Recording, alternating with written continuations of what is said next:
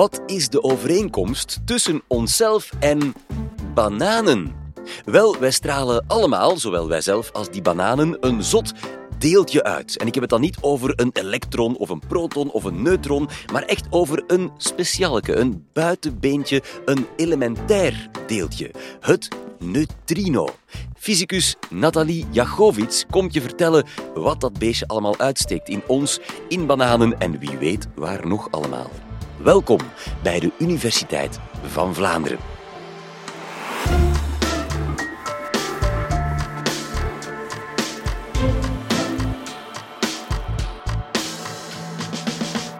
Nathalie, hallo. Hallo. Wat doe jij juist uh, als je onderzoek doet naar neutrino's? Kan je dat kort uitleggen? Kort is een klein beetje moeilijk, maar om het gewoon al in te leiden, ik onderzoek hoe neutrino's gaan interageren met atoomkernen. Mm -hmm. We zullen bij het begin beginnen. Wat is een neutrino? Daarvoor moeten we eigenlijk terug naar, om dat een beetje te kaderen, naar de les wetenschappen van ergens in het middelbaar, waar de leerkracht voor de klas stond en uitlegde dat een uh, atoomkern, dat die bestaat, enfin een atoom, dat die bestaat uit een atoomkern, met daarin positief geladen protonen en neutronen die neutraal zijn, en daar rond een wolk van negatief geladen elektronen. Daar zitten geen neutrino's in, maar neutrino's zijn wel familie van die elektronen. Uh, ze behoren ook tot de familie van de leptonen. Wat zijn een soort lichte neefjes van die elektronen. Ze hebben bijna geen massa. Ze zijn ook veel lichter dan die elektronen. Nu, omdat ze geen lading hebben, gaan ze ook niet elektromagnetisch interageren zoals elektronen. Ze interageren ook niet sterk zoals de protonen en de neutronen. Dus interageren enkel via wat de zwakke interactie wordt genoemd. En die is ook effectief zwart. Dus die gaan heel weinig reacties aangaan met uh, andere materie. Dus dat maakt ze ook een beetje mysterieus, moeilijk te detecteren. Er is bijvoorbeeld ongeveer een lichtjaar aan lood nodig om van een bundel neutrino's de helft uit te laten interageren, de helft te laten stoppen. Of als je nu gewoon naar je vinger kijkt, ja. daar passeren gewoon per seconde tientallen miljoenen neutrino's door. En in een leven van een mens gaat er maar een paar keer eentje van interageren. Ja. Waar wij hierbij staan, is dat allemaal aan het gebeuren. Ze vliegen overal dwars doorheen. Uh, het is gigantisch moeilijk om ze te detecteren. Hoe vang je ze dan? Hoe onderzoek je ze dan? Want dat lijkt bijna onmogelijk. Ja, dat is natuurlijk niet makkelijk, omdat ze zo weinig interageren. Uh, maar het probleem dat ze heel weinig reacties met andere deeltjes aangaan, kan je wel een beetje omzeilen door ervoor te zorgen dat je een hele grote detector hebt. De kans dat één neutrino met een deeltje gaat interageren is nog altijd heel klein, maar je koopt zowel heel veel kansen. Dat is bijvoorbeeld wat gebeurt in uh, de IceCube-detector. Een IceCube dat mag je dan letterlijk nemen. Dat is een kubieke kilometer ijs, ijs op de Zuidpool. En daarin zijn detectormodules eh, aan eh, kabels ingevroren in het ijs. En als daar dan een neutrino interageert met een eh, deeltje in het ijs, dan worden daar geladen deeltjes geproduceerd. Als die gaan bewegen door het ijs, worden er lichtflitsjes gemaakt. En die worden dan met die sensoren opgevangen zodanig dat men gaat zien dat er inderdaad een neutrino toegekomen is. Ja. En ook in de Middellandse Zee bijvoorbeeld, geen ijs meer, maar in de Middellandse Zee zijn er ook van die detectorstrings om neutrino's te gaan uh, waarnemen, maar dan met water. Ongelooflijk. Gigantische installaties om dus die hele kleine deeltjes uh, te vinden. Uh, waar, waar, komen die voor? Overal. ze waren er al bij van helemaal in het begin. Bij de Big Bang zijn er heel veel neutrino's geproduceerd en die zijn er nog steeds. Die vliegen altijd overal rond. Dus in een klein kubusje van kubieke centimeter, dus zoiets als een klein vierkant, le kubusvormig ja. Lego-blokje, uh, zitten er ongeveer 300 van die Big Bang neutrino's, alleen nog maar de Big Bang neutrino's. Ook sindsdien zijn ze nog uh, volop geproduceerd. Bijvoorbeeld een supernova-explosie op het einde van het leven van een uh, massieve ster. Dan gaat de kern van die ster imploderen. Daar wordt een neutronster of een uh, zwart gat gevormd en daar worden heel veel neutrino's bij geproduceerd. Dus een supernova-explosie. Je denkt daaraan als een heel erg heldere ster waar heel veel licht vandaan komt. Maar eigenlijk wordt het grootste deel van de energie die daar vrijkomt, vertrekt die met neutrino's. Ja. Dus neutrino's, interageren weinig, ze zijn moeilijk te detecteren, maar ze hebben dan wel het voordeel dat ze rechtstreeks van het centrum van zo'n fenomeen tot bij ons komen. Als we ze kunnen detecteren, dat ze de informatie van het centrum van die supernova naar ons meebrengen. We hoeven niet te wachten op de volgende supernova om daar neutrino's uit te zien komen. Ook onze zon produceert heel veel neutrino's bij de kernreacties uh, die plaatsvinden in het centrum, waarmee de zon energie produceert. We zien die energie eruit komen als licht, maar dat licht komt eigenlijk pas vrij op de rand van de zon. De neutrino's die worden echt in het centrum gemaakt en ah, bewegen bijna allemaal ongestoord van het centrum naar ons toe. Dus die kunnen informatie geven over de processen waarmee de zon energie produceert in het centrum. En, en, bananen, waar ik het in de introductie over had, zitten daar veel neutrino's ja, in? Ook, ook veel dichter bij ons. Op aarde zijn er ook neutrino's en natuurlijke radioactiviteit, in rotsen bijvoorbeeld, maar ook in bananen. In bananen zit er behoorlijk wat kalium. En een deeltje van dat kalium, een fractie van dat kalium, is radioactief. Gaat vervallen naar calcium, de calcium van melk. En daarbij komt er ook een uh, neutrino vrij. En ook in ons eigen lichaam. Daar zitten dus ook deeltjes in die vervallen. En wij stralen dus ook neutrino's uit. Zeg maar, als die neutrino's nergens mee interageren of die zo moeilijk te vangen zijn, hoe hebben we dan ooit ontdekt dat ze bestaan überhaupt? Daar is men eigenlijk onrechtstreeks via een omwegje achtergekomen. Bij het begin van de 20e eeuw, toen was radioactiviteit nog een uh, relatief nieuw ontdekt fenomeen, mhm. dus er werd heel veel onderzoek naar gedaan. En bij een type radioactief verval, waarbij elektronen vrijkomen, ontdekte men eigenlijk iets raars, iets dat men niet begreep. Wat je verwacht van zo'n radioactief verval is dat een moederkern vervalt naar een lichtere dochterkern. En de energie die daarbij vrijkomt, die moet overeenkomen met het massaverschil ah, tussen die twee. Dat is de ESMC-kwadraat van Einstein. Nu, bij dat radioactief verval, dat type met elektronen, zag men dat sommige elektronen wel die energie die overeenkomt met het massaverschil hadden, maar heel veel hadden er ook een veel kleinere energie. En dat is een probleem natuurlijk. Dan lijkt het dat er energie kwijt is, verloren is gegaan. En ja, dat kon men niet verklaren. Dus sommige fysici waren al klaar om het principe van behoud van energie op te geven. Wat die leerkracht uit het vierde middelbaar, die over de atoomkern verteld heeft, natuurlijk tegen zou zijn. Want dat is echt wel een uh, heel erg ja, krachtig principe, een natuurwet. Een ijzerwet, ja. Een ijzerwet, absoluut. Um, dus er was een Oostenrijks fysicus, Wolfgang Pauli, die met een uh, veel elegantere verklaring, of mogelijke verklaring kwam. Die stelde voor dat er in uh, dat verval dat er nog een ander deeltje geproduceerd werd, maar eentje dat we niet zagen, omdat het bijna niet interageerde, omdat het geen lading had en bijna geen massa. Hij noemde dat deeltje een neutron, omdat neutraal was. Hij zei ook over zijn, ja, het was een postulaat eigenlijk. Ik, hij zei, ik heb iets vreselijks gedaan. Ik heb een deeltje uitgevonden dat niet gedetecteerd kan worden. Hij was er misschien ook niet helemaal gerust in, want hij heeft het voorgesteld op een uh, congres. Dat was in december 1930 in uh, Tübingen. Maar hij was daar niet zelf aanwezig. Hij heeft daar een brief laten voorlezen. Hij die durfde niet. waarschijnlijk wel heeft die brief laten voorlezen, uh, gericht aan de lieve radioactieve dame und herren. Uh, waarin dat hij dat allemaal voorstelt. En hij sluit af met ik kan er jammer genoeg zelf niet bij zijn, want uh, ik moet in Zurich blijven, want er is een bal over een paar dagen. En de lokale roddel beweerde dat dat was omdat hij dacht dat zijn vrouw aan het aanpappen was met een chemicus. En dat hij dus daar wou blijven. Ja, wetenschappers, het zijn net mensen. Het zijn net mensen, helemaal. Dus hij had dat deeltje eigenlijk eerst neutron genoemd, maar een jaar of twee later uh, werd het ja, echte neutron, het deeltje dat we nu neutron noemen, dat in de atoomkern zit, uh, ontdekt. En toen heeft uh, Enrico Fermi, een Italiaanse fysicus, het deeltje van Pauli herdoopt tot neutrino. Dus eigenlijk klein neutraaltje, maar dan in het Italiaans.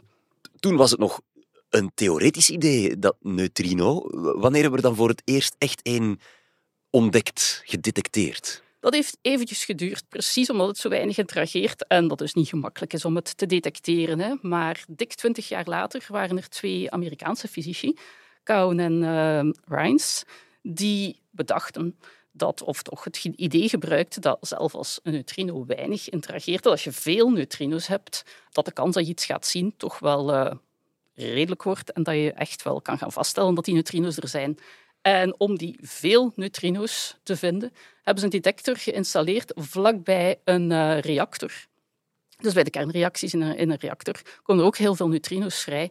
En die zijn ze gaan gebruiken om uh, ja, vast te stellen dat neutrino echt wel uh, bestaat. Dus ze hadden een detector waarvan het materiaal zo was samengesteld dat er, als er een neutrino ging interageren, dat er een uh, heel typische sequentie van lichtflitsjes optrad met een welbepaalde tijd tussen, zodanig dat ze de handtekening van dat neutrino echt wel ondubbelzinnig konden vaststellen.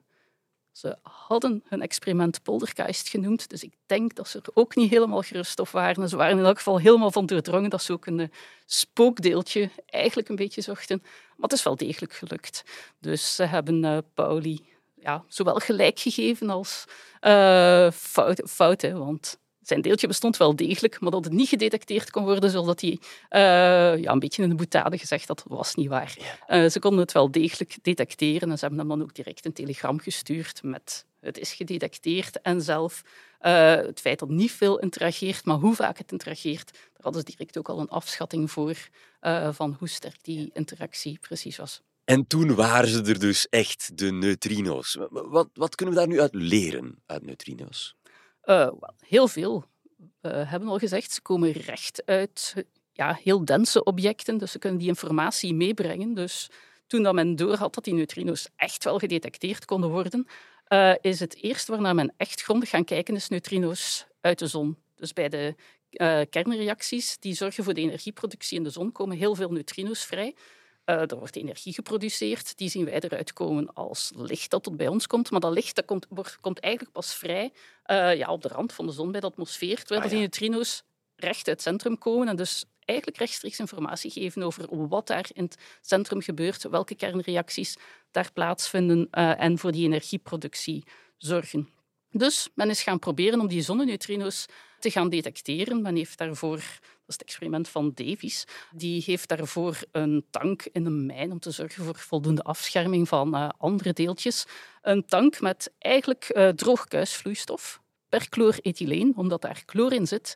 En als chloor zo'n zonneneutrino invangt, dan wordt er een neutron in een proton omgezet en wordt er argon gevormd. En dat argon kon hij met chemische technieken eruit halen en echt gaan tellen. Hoeveel neutrino's hebben hier geïnterageerd? Nu, het probleem dat daarbij optrad, of wat toch wel verrassend was, was dat hij maar ongeveer een derde vond van het aantal neutrino's dat verwacht werd uit zonnemodellen. Oh ja. En dat is natuurlijk een heel vervelend probleem. De zon staat vlakbij, dus dat is nogal belangrijk voor de aarde. Dus uh, het is vervelend als je de indruk krijgt dat je niet helemaal weet wat daar aan de hand is. Nu, een mogelijkheid was natuurlijk dat er iets mis was met uh, de, de, manier waarop het experiment uitgevoerd was. Davies was ervan overtuigd dat het goed was. En achteraf gezien had hij ook wel degelijk gelijk. Ja, iets mis met de zonnemodellen. Dat zou vervelend zijn, want men hoopte toch wel die zon te begrijpen. Of de derde mogelijkheid is natuurlijk dat neutrino's nog uh, ja, zich anders uh, gedragen dan toen verwacht werd. En dat is inderdaad wat toen gebleken is. Ja, wat bleek er dan aan de hand te zijn? Wel, eigenlijk was de verklaring voor wat men zag al een aantal jaar eerder theoretisch voorspeld. En ja, daarvoor moeten we een beetje terug naar de elementaire deeltjes. Er is eigenlijk niet één soort neutrino's, zoals er ook niet één soort zwaardere leptonen zijn. Dus elektronen, die zijn niet alleen. Die hebben zwaardere broertjes. Er zijn ook mu-leptonen en tau-leptonen, die uh, telkens een beetje zwaarder zijn.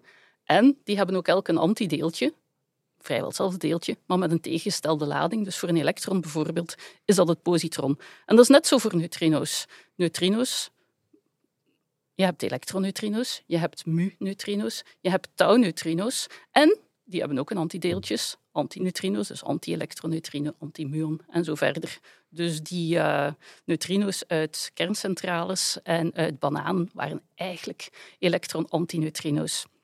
Nu, omdat die neutrino's heel licht zijn, bijna geen massa hebben, kunnen die, terwijl dat ze, zich, uh, dat ze voortbewegen, kunnen die veranderen van één soort, van één flavor, wordt dat genoemd, naar een andere. Dus die elektroneutrino's die in de zon gemaakt worden, die kunnen, terwijl dat ze naar een detector op aarde bewegen, veranderen in een mu-neutrino. En als je detector enkel gevoelig is uh, voor elektroneutrino's en een neutrino is veranderd in iets anders, ja, dan zie je het natuurlijk niet op aarde. Dat was al voorspeld, maar ja, dat zonneneutrino-probleem gaf enkel aan dat dat misschien wel een uh, plausibele mogelijkheid was. Uh, maar daarmee was nog niet aangetoond. Dus men is uh, experimenten gaan opzetten waarbij men niet enkel elektroneutrino's, maar ook de andere flavors kon zien de Super Kamiokande in Japan bijvoorbeeld en Snow in Canada. Dus telkens uh, gigantische watervaten eigenlijk met opnieuw fotodetectoren rond in een mijn voor de afscherming. En daarmee heeft men aangetoond, niet met zonneneutrino's, maar met neutrino's die in de atmosfeer geproduceerd worden, dat uh, die neutrino's inderdaad van smaak veranderen terwijl ze uh, bewegen. En als je dan teruggaat naar dat zonneneutrino-experiment, dan zie je, als je alle soorten samenneemt, dat de rekening wel degelijk klopt. Oké, dus we komen van um, geen neutrino's naar theoretische neutrino's, dan gedetecteerde neutrino's. Nu hebben ze allemaal een flavor gekregen. Weten we daarmee nu alles, of is er in de toekomst nog uh, onderzoek nodig? We willen nog heel veel meer weten. Dus ja, er is nog onderzoek nodig. um, het staat vast dat ze oscilleren. De experimentele collaboraties die dat vastgesteld hebben, hebben daar ook al een Nobelprijs voor gehad in 2015. Maar ja, oscillatie betekent trilling of schommeling. Dat is ook letterlijk te nemen voor neutrino's. Een neutrino wordt met een bepaalde flavor geproduceerd en gaat dan, terwijl het verder beweegt, veranderen in een andere flavor, maar komt ook weer terug naar de oorspronkelijke. Dus hoe dat precies gebeurt, over welke afstand dat gebeurt, hangt af van de energie van het neutrino en ook van het verschil uh, tussen de grootte van de massa's van die verschillende flavors en van uh, de intrinsieke sterkte van het effect. Hoeveel neutrino's gaan precies die oscillatie ondergaan? Er zijn eigenlijk een, een heel aantal parameters dat moet onderzocht worden. En daarvoor zijn er nu gerichte experimenten opgezet, die dus echt onder gecontroleerde omstandigheden een neutrinobundel gaan produceren. En dan is de neutrino stellen in een detector vlakbij.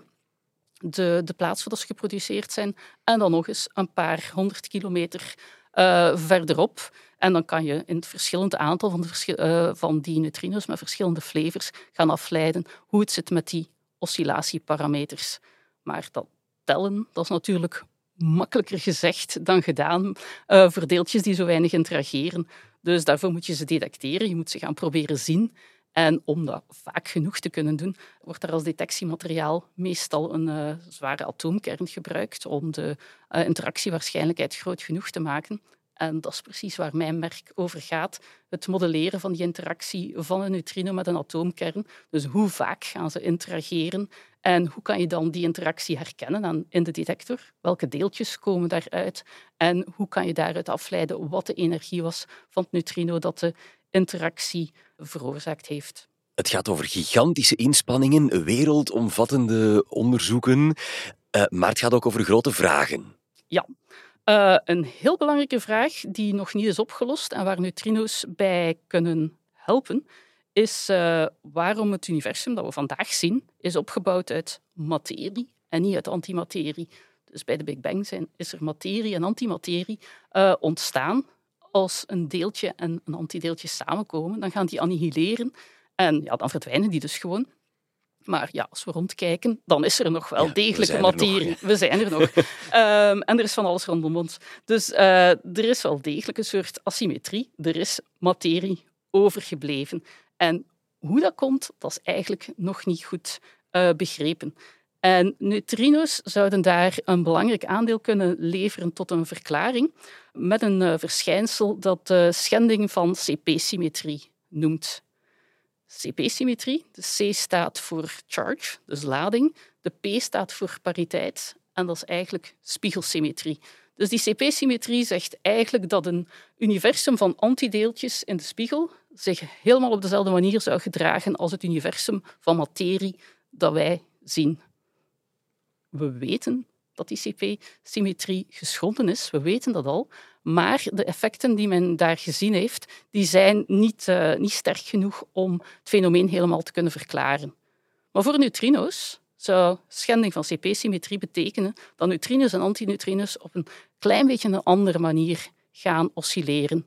Dus uh, die experimenten die die neutrino-oscillaties onderzoeken, die zouden, die doen dat ook, uh, door naar het verschil tussen neutrino- en antineutrino-oscillaties uh, te kijken, kunnen bijdragen om dat raadsel verder op te lossen. Ongelooflijk knappe mysteries die daar nog ontrafeld moeten worden. Dankjewel Nathalie. Die neutrino's die gaan ons dus nog een heleboel vertellen over het ontstaan van ons heelal. En dat blijven we uiteraard graag volgen, ook hier in deze podcast. Wetenschappers zijn er trouwens wel 100% zeker van dat die Big Bang echt is gebeurd. Als jij zelf nog niet helemaal overtuigd bent, luister dan zeker naar podcast aflevering 275 met deeltjesfysicus Karel van Akkoleijen. Heel graag tot daar of tot een volgende keer.